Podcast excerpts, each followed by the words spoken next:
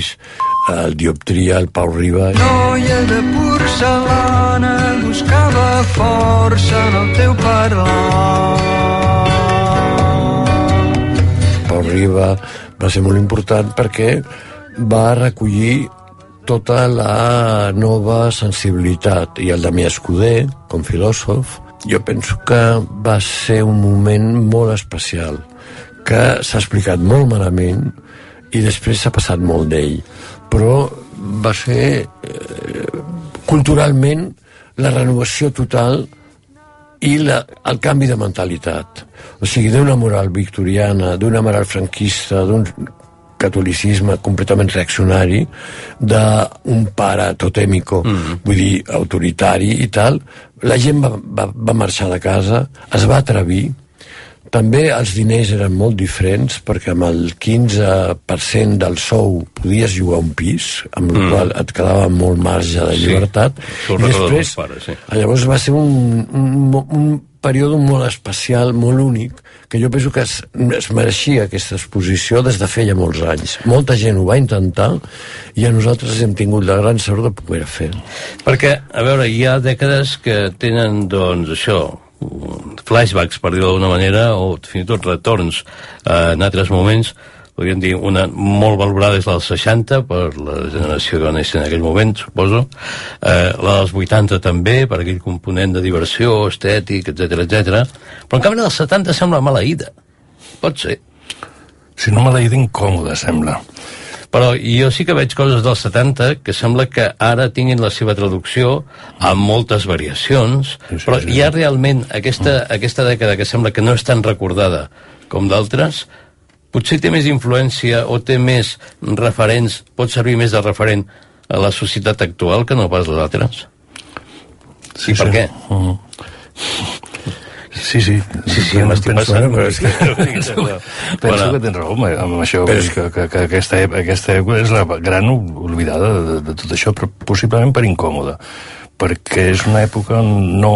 mm, havien passat moltes coses però que després s'ha borrat, s'ha esborrat una mica s'ha preferit mirar cap a una altra banda simplement no, no, no, tot això no era incòmode però possiblement perquè majoritàriament era en castellà, era incòmode perquè no ha sigut mai còmode parlar de drogues, sempre és una cosa i s'ha preferit mirar cap a una altra banda. A partir de la- l'arribada de la democràcia, a partir de que els partits polítics s'instauren, prefereixen norma, nor, normalitat de la vida democràtica i instaurar una altra cultura. I la contracultura és la gran oblidada d'aquest país. Ja.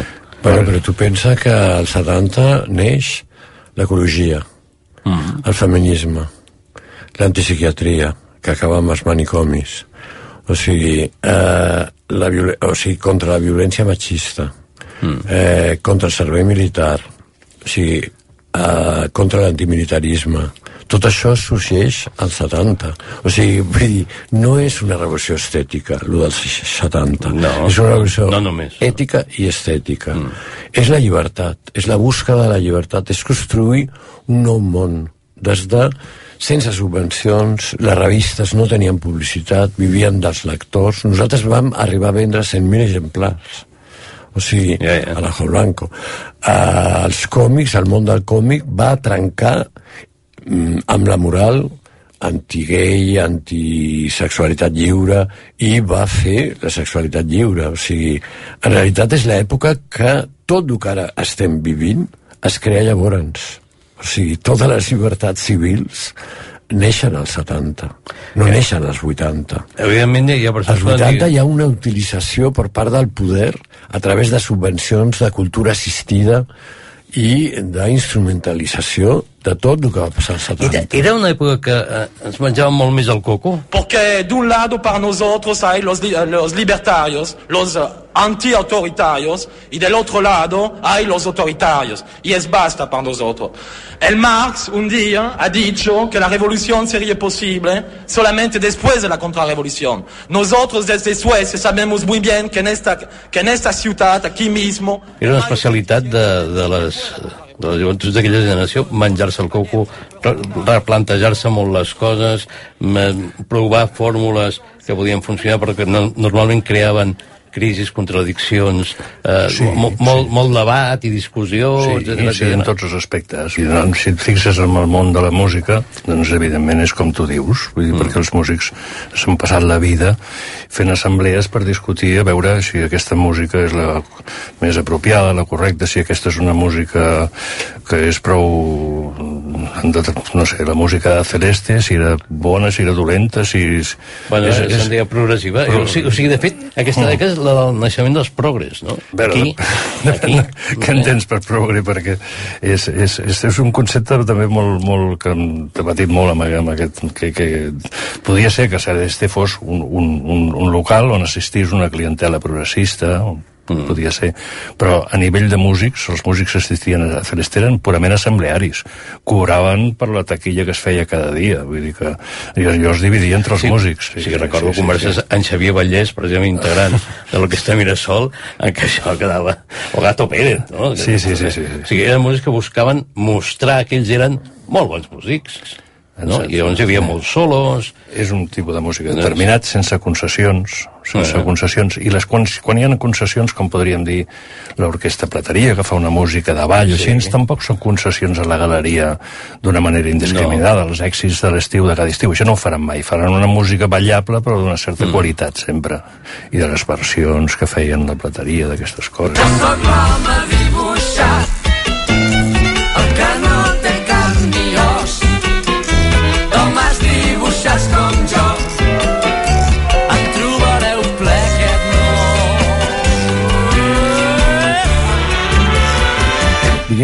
lo polític i els progres estaven més fixats amb el poder i la ideologia. Sí, sí. Nosaltres amb la vida, canviar la vida quotidiana, i la vam canviar. I- I, I això s'ha amagat. I fins a quin punt eh, no, no hi havia una implicació dels de, mm, els polítics o de les corrents polítiques o dels partits polítics directament en aquest moviment perquè els hi pogués interessar? Res. Perquè Però, eren però, llibertaris. però, en Era aquests CNT. moviments s'integraven intel·lectuals que volgués No. que no podien estar vinculats a, No. a alguna línia ideològica d'algun partit polític, no? No, era, això era el món progre. Nosaltres a l'exposició hem dividit molt, mm. per exemple, de quines revistes o fanzines parlem? Dels que no tenien publicitat. O sigui, el, el món progre era una altra cosa.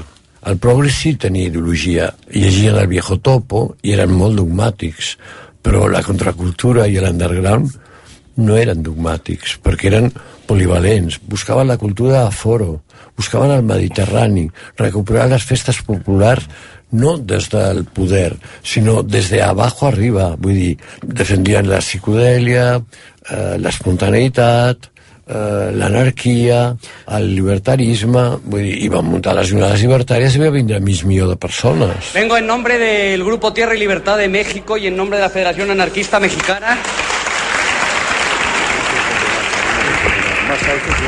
Si quieren que lo hagamos breve, ni aplaudan ni abucheen, ¿eh? De preferencia.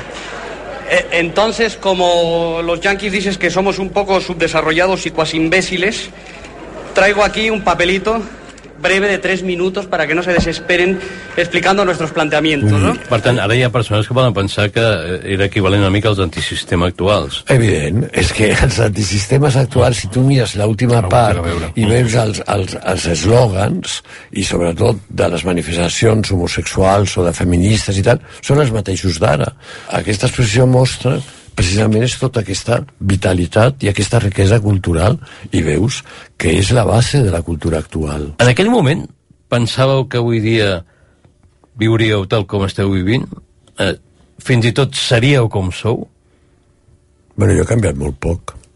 Segueixo pensant el que pensava i segueixo visquent com vivia. Mm. O sigui, sóc molt comunitarista. Jo, eh, mai vaig pensar que arribéssim tan baix. O sigui, que la crisi... tan- tan- tan baix- tan baix què vol dir? Pues amb una crisi moral, cultural, creativa, com que estem ficats tots, no? Mm. En un món amb uns poders invisibles que controlen absolutament tot i vull dir, sense poder de concentració a la gent, amb una educació molt deficient, eh, llavors mm, mai m'ho hauria pogut pensar. O sigui, en realitat, estem ficats una altra vegada en un autoritarisme, que és el consumisme global, no? Ah, Llavors, doncs, bueno, ara, abans eren molt més lliures. Jo penso que ara els caps estan molt més agafats. Nosaltres vam ser molt més lliures. Ah, Llavors, precisament, per això aquesta exposició no té nostàlgia. Té Sí, una actualitat, té una actualitat absoluta de pensar tu eh, pots fer el que vols sempre i quan tinguis eh, equip mm. o sigui, i no dependre de, de, de l'oficialitat no? Ja. que sempre et portarà a, a la propaganda Bueno, hi ha és a dir, molt et sents, de, et sents resistència decebut de l'evolució de tot allò que tu, que tu plantejaves. home, mm, quan va haver el 15M Mm. Vaig veure el 70 tota l'esquerra que queda els ocupes els ocupes. Nosaltres vam ocupar el, el, el, la solidaritat la solidaritat obrera o sigui, la soli fascista la vam ocupar. I vam ocupar catedrat de cases al Pirineu. Vull dir, el dels ocupes ve del 70 i si agafes els regulacos del 70 el moviment ocupa té una importància absoluta no? Nosaltres, eh, els caps de setmana, amb el Quimozo i l'Albert i quantitat de gent, anàvem a una rectoria del Pirineu, ai, del Pirineu de l'Empordà, que era, no tenia calefacció, no tenia res, i posàvem els diners, el pote comú amb un mitjó, i posàvem els diners, però llavors en un mitjó tu no sabies el que posaves, havia gent que no posava res, Ja. perquè no tenia, i no passava, no passava res, o sigui, doncs era normal, Bueno, I tu, Canti, mm, ha canviat molt el, dibuix que t'havies fet de com enfocaries tu la teva, la teva vida a com ha acabat sent? No? Sí, sí, no, aquesta, aquesta pel·lícula que no, no me l'imaginava d'aquesta manera ni molt menys, vull dir, m'ha anat, anat eh, apareixent al llarg de la història i, i de vegades penses que cada vegada anem de pitjor en pitjor fins a la derrota final, no? Vull dir, perquè és una mica aquesta la sensació que acabes tenint però sempre, sempre jo, sempre almenys, sempre mirant els joves com una continuïtat de tot això Ja. que han fet sempre i intentant comunicar aquest missatge als joves, vull dir, jo podria, podria pensar que era potser més senzill per nosaltres agafar un llàpid, Ja. posar-se a dibuixar amb un llàpid, fer una fotocòpia d'allò i repartir uns Fanzins, no? uns fanzins o uns TVOs o digue-li com vulguis, no? O posar-se a fer música, potser també era mm. més senzill, vull dir, aquesta, aquesta música underground, que realment els músics tampoc necessitaven masses estructures en Bueno, aquell ara, moment. ara tots a casa seva poden muntar la música que vulguin. ja, això s'ha tenen. revertit, no? Ara en Sí, aquests ara- ja Ara poden simple, muntar no? Segons un estudi i ara és una, Ja. altra, una altra circumstància. Ara potser és com dones a conèixer tot això, no? Però al final tothom et regala un disco i dius, ostres, Fins a quin punt una noia o un noi de 18 anys va veure la vostra exposició i, i de cop diu, uf, molt dens això. O sigui, molta lletra, o... M'entens? Enteneu el que vull dir? Però és que el Dani Freixas ha aconseguit una cosa en aquesta exposició que jo penso que és... que jo vaig anar amb fills de, de nebots meus, mm -hmm. que tenen 17, 14, 15 anys, i llavors jo penso que tras, tras, es transmeteix l'atmosfera. Mm. O sigui, et fiques dintre d'un d'una pel·lícula, no? Mm. Llavors vas començant a... Sí. eh, Els nens aquests descobrien frases i coses que es quedaven bastant sorpresos, no? Inclús una filla d'un nebot meu ha tornat amb tota la seva classe de disseny Ahà. de Terrassa, vull dir, i han anat tots. Vull dir, ja es va passar no sé quant temps, no? Potser, i aquesta és la segona part del tema de la joventut, potser en aquesta dècada que es presenta en aquesta exposició hi havia més o menys diàleg entre intergeneracional. És a dir, els joves parlaven... És dir, hi ha una cosa que sempre m'ha fascinat d'Anglaterra i és com els pubs es barregen les generacions i no hi ha cap tipus de... No sé, potser sí que hi ha grups que no, no però moltes vegades veig molta gent jove parlant amb gent molt gran ja. Eh, jo no sé si això és una tradició dels 70, però creieu que actualment això es continua produint? Als 70 no, Als 70 no hi havia comunicació. per res. No, o sigui, estava- l'Oix Divin és un altre rotllo completament i a diferent. estaven trencades tota la, la... O sigui, no volien comunicar-te la seva experiència perquè lamentablement devia ser molt dolorosa i no, no te la comunicaven els pares, o sigui, no. Mm. I nosaltres vam créixer al marge de l'experiència paterna i vam fer tot el que vam fer. I aquí, I aquí posem tot el que vam fer en aquella època i el que va fer el Pepe Ribas no és el mateix. D'aquí una mica és el valor de l'exposició, que el Pepe Ribas ha viscut unes coses, jo no he viscut unes nosaltres, les parlem, les posem en comú, veiem aquelles coses si realment entren en un concepte del que és contracultural, d'aquesta cultura que creix, o, i, i és, un, és una, una feina de molt temps. Ara deies que segons com no participaven de l'experiència paterna de, mm. de la seva vida bueno, dura i amb dictadura i la guerra civil, però en canvi suposo que la majoria de persones que coneixem eh, són conscients que a casa seva s'ha parlat de la guerra civil i si no s'han explicat les conseqüències s'han acabat notant d'una manera o altra. Per tant, sí que aquesta transmissió o aquesta comunicació del que s'havia viscut a les noves generacions existia. I això, segons com era, era el que motivava a saltar Sí, i sí, a, a, sí. a una altra banda, no? Sí, sí, sí.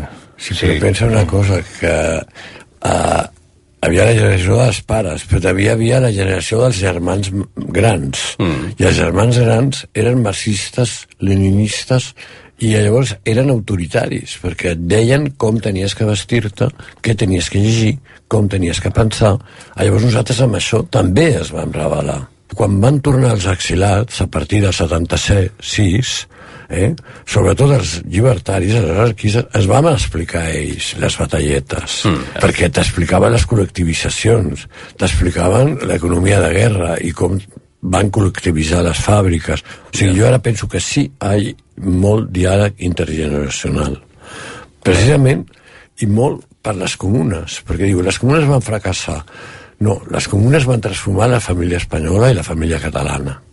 Perquè ara a les famílies pots parlar de tot i inclús et diré que moltes vegades els pares estan depenent dels fills, mentre que a la família dels anys 70 era un autoritarisme total.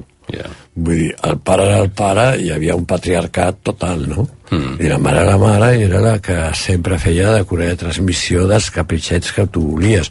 Però eh, és que ha canviat molta cosa. Però No, ja, ja, la revolució del 70 és el que va canviar precisament eh, el sistema de vida i de creences i de el laicisme, per exemple, o el naturisme, o el menjar natural, o l'anar contra les centrals nuclears, o l'anar contra la, la desfesa de la naturalesa. Una persona en la que també vaig visitar la- l'exposició, com jo deia, dic, mira, tot això que reivindica actualment els 70 era, i em deia, era tot posturetti. I, o sigui, no, a veure, po, po, po, pot ser que gent que potser ha viscut més dels 80 vegi aquesta, aquesta dècada dels 70 o aquests moviments dels 70 com una postura per dir no som com aquells o funcionen d'aquesta manera o aquesta altra Jo comprenc que la gent que té 60-65 anys eh, que no va viure tant als 70 pugui mm. entendre molt millor els 80 però li, li demano que vegi l'exposició i que ho yeah. prengui en perspectiva mm. perquè realment potser faria falta fer aquesta exposició més llarga i parlar extensament dels 80 i de què va passar als 80 Ja.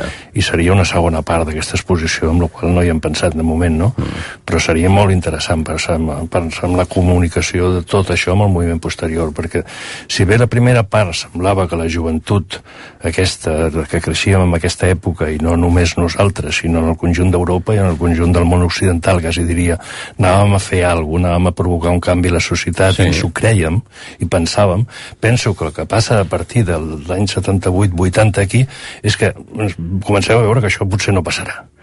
I, Ja. i aleshores comencem, a mirar mm. i pensar que el que hem de fer és, cony, que tens fills, que resulta que jo hauria de treballar, que jo hauria de Sí. fer una cosa que jo m'hauria d'integrar per aquí o per allà, i potser no ser tan... no, no, no, no deixar una sèrie d'iniciatives, de viure en comú, de deixar aquestes coses.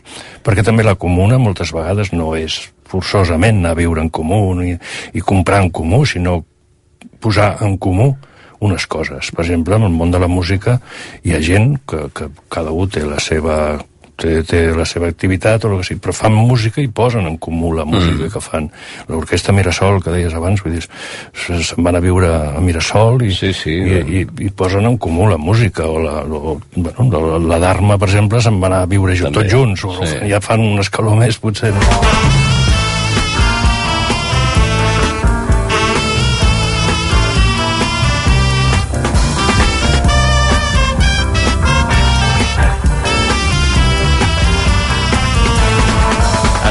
Parlàvem d'això, de si posturetti o no, hi ha, hi ha una qüestió que és, a veure, mm, agafem els 70 i si ho mireu una mica, veiem que Catalunya, o Barcelona concretament, si voleu, eh, era envejada des de Madrid, perquè conyo, ahí sí que passen coses i tal, estaven com emocionats en Barcelona.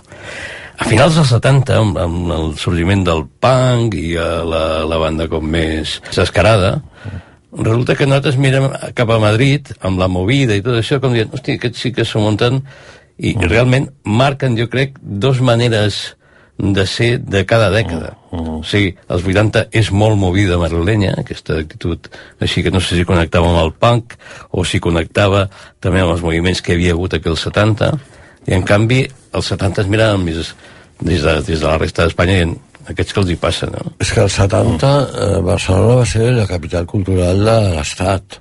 I no solament de l'Estat, sinó també de Sud-amèrica. Per al, per al boom barral i per tot el dels sud-americans. I la nova literatura sud-americana de Balcells i el Barral i tot. I per al món editorial. Llavors el que va passar al 78-79 és que va emigrar la indústria discogràfica i Sí. les cases de publicitat. Va haver una immigració i després Madrid va tindre tres coses. Televisió Espanyola, Radio 3, va tindre El País, el diari El País, i va tindre el Tierno Galván. Aquí, pues, un profesor tachado de intelectual, al que a veces se acusa de incapaz para la vida política, metido no obstante en la política hasta el cuello, Hemos hecho un esfuerzo por renovar la cultura madrileña I per què va els socialistes, quan van arribar al poder, van promoure tant la movida?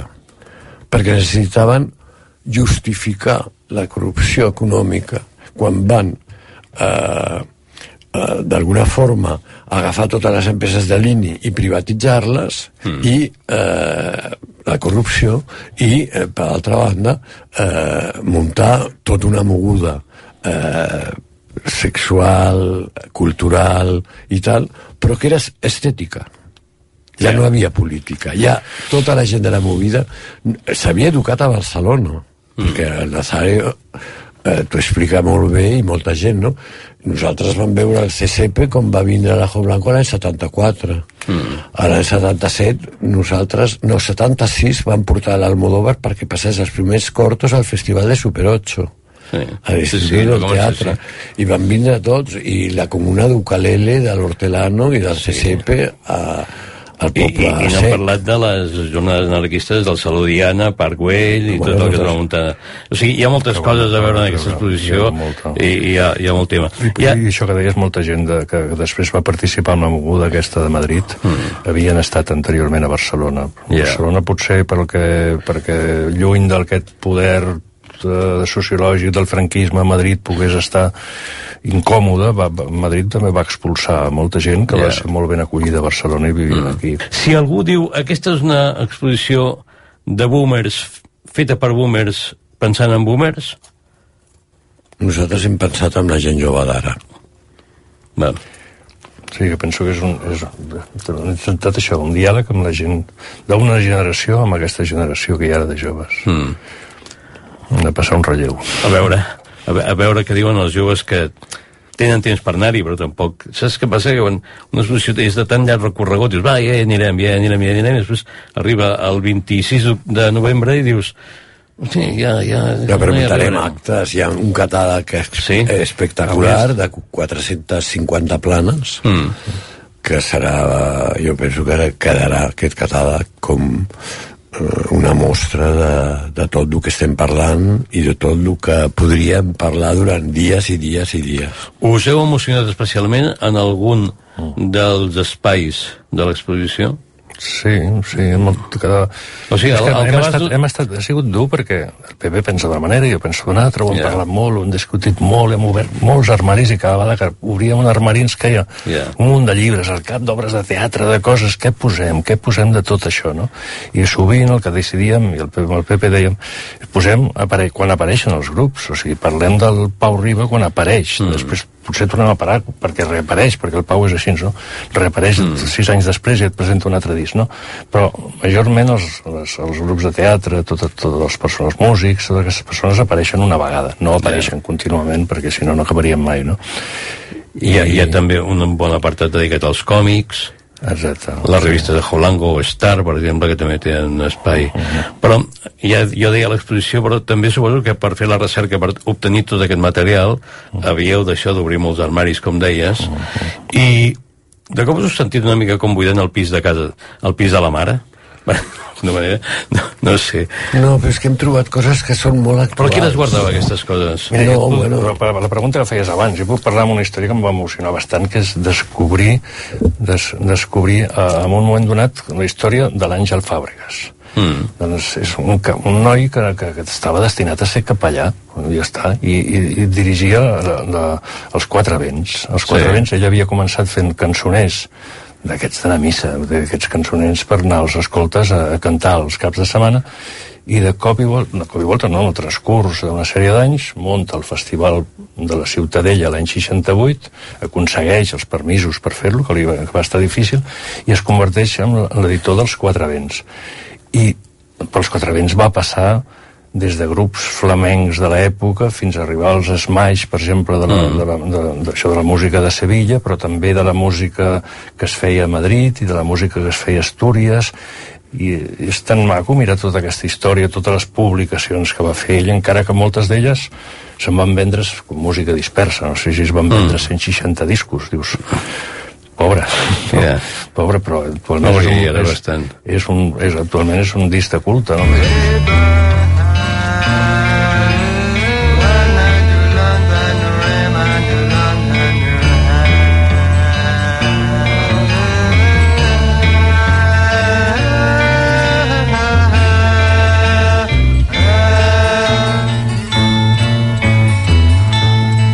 Ara que parlaves d'aquesta tradició una mica de, de la música folk i dels agrupaments, tot això, eh, o, o fins i tot podríem parlar de la nova cançó, hi havia una relació entre la nova cançó o el que podia representar allò que agradava doncs això, seguidors de la nova cançó, de Serrat, Guillermina Mota, de, de, o dels 16 jutges. No, i penso que no hi, ha, no hi ha una frontera molt, molt clara, No? tampoc. O sigui, sí que està, són, són, són coses separades, perquè evidentment el moviment de la nova cançó tenia el seu sello particular, que era Dixa, però també hi ha personatges... Però- però que- van estan- cohabitar, no? Que van cohabitar, exacte. Vull dir, també hi ha una Maria del Mar Bonet, per exemple, que Sí. grava amb Toti Soler i que fan experimentacions. La mateixa Maria del Mar Bonet tocant amb, amb l'orquestra Mirasol a Canet també era un exemple, Mm. podria ser un exemple, o els flamencos que venien aquí també podien ser-ho. I per mi el que ha sigut bestial és trobar els vídeos. La Xavier Garció, de cop, un dia, mm, passa les fotos de, del concert primer de King Crimson, Yeah. que va ser un concert que la emoció d'aquest concert mm -hmm. encara es manté viva.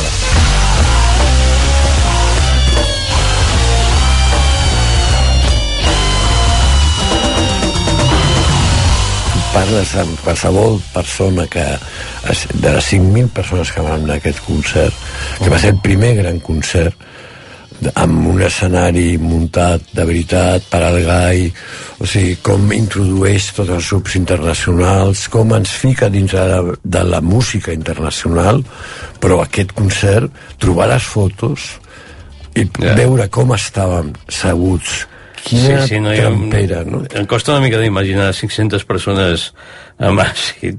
Amb un Però- concert a Granollers a l'any No m'estranya que sigui 73. una experiència inolvidable, Sí. segons com, però, en fi, només això. Sapigueu que el Palau Robert de Barcelona es pot veure aquesta exposició que ells han pensat especialment adreçada als joves, que es diu Underground i Contracultura de la Catalunya dels anys 70, jo crec que els joves està bé si poden anar acompanyats també d'algú que visqués en aquella època. A lo millor estaríem parlant d'avis, no ho sé, eh? Sí. Però algú que, que, que, que es posi en context, no? També. Sí, que, que els papes acompanyin i sobretot serà un exercici molt bo pels papes per sortir de l'armari. No, home, també es pot dir el cas que hi hagi algun pare que surti de l'armari al mig de l'exposició i sigui una gran sorpresa per tota la família. Però bé, eh, ho deixarem aquí. Que vagi molt bé Moltes i molta gràcies. sort. A RAC1... No. No? No hi som per festes. Amb Jordi. Jordi. Jordi. Jordi Beltran.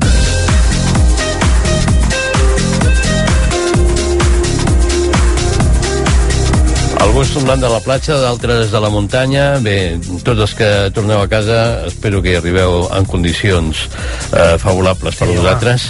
És a dir, en bon estat, en perfecte estat de revista que deien abans. Eh, que tingueu un gran cap de setmana, ja sé que és dijous, però bé, demà ja és divendres, o sigui, podem parlar de cap de setmana, i que hagueu tingut una gran entrada d'estiu, espero. N'hi ha alguns que s'han confós de dia i van ara aquesta nit a la platja a fer allò que s'havia de fer ahir la nit. És que hi ha gent que no, al no matí, té, no té molt situat, eh? Bé, Guillem F. Marí, que vagi molt bé. Gràcies per ser-hi, una abraçada molt forta i, com sempre, moltíssima, moltíssima bona sort.